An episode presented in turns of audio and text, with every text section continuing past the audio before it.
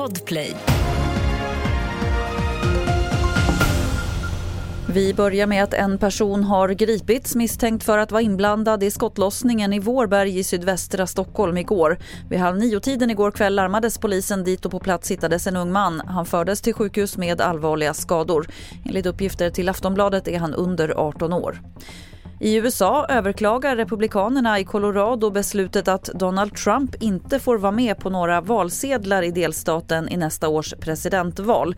Högsta domstolen i Colorado menar att hans inblandning i stormningen av Kapitolium 2021 diskar honom från att bli president. Nu ligger avgörandet hos den nationella högsta domstolen.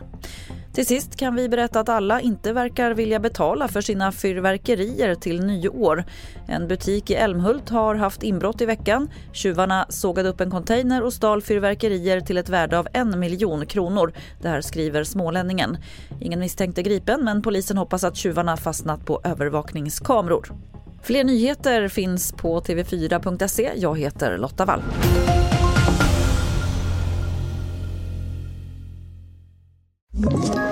Ett poddtips från Podplay. I podden Något Kaiko garanterar östgötarna Brutti och jag, Davva, dig en stor dos skratt. Där följer jag pladask för köttätandet igen. Man är lite som en jävla vampyr. Man har fått lite blodsmak och då måste man ha mer.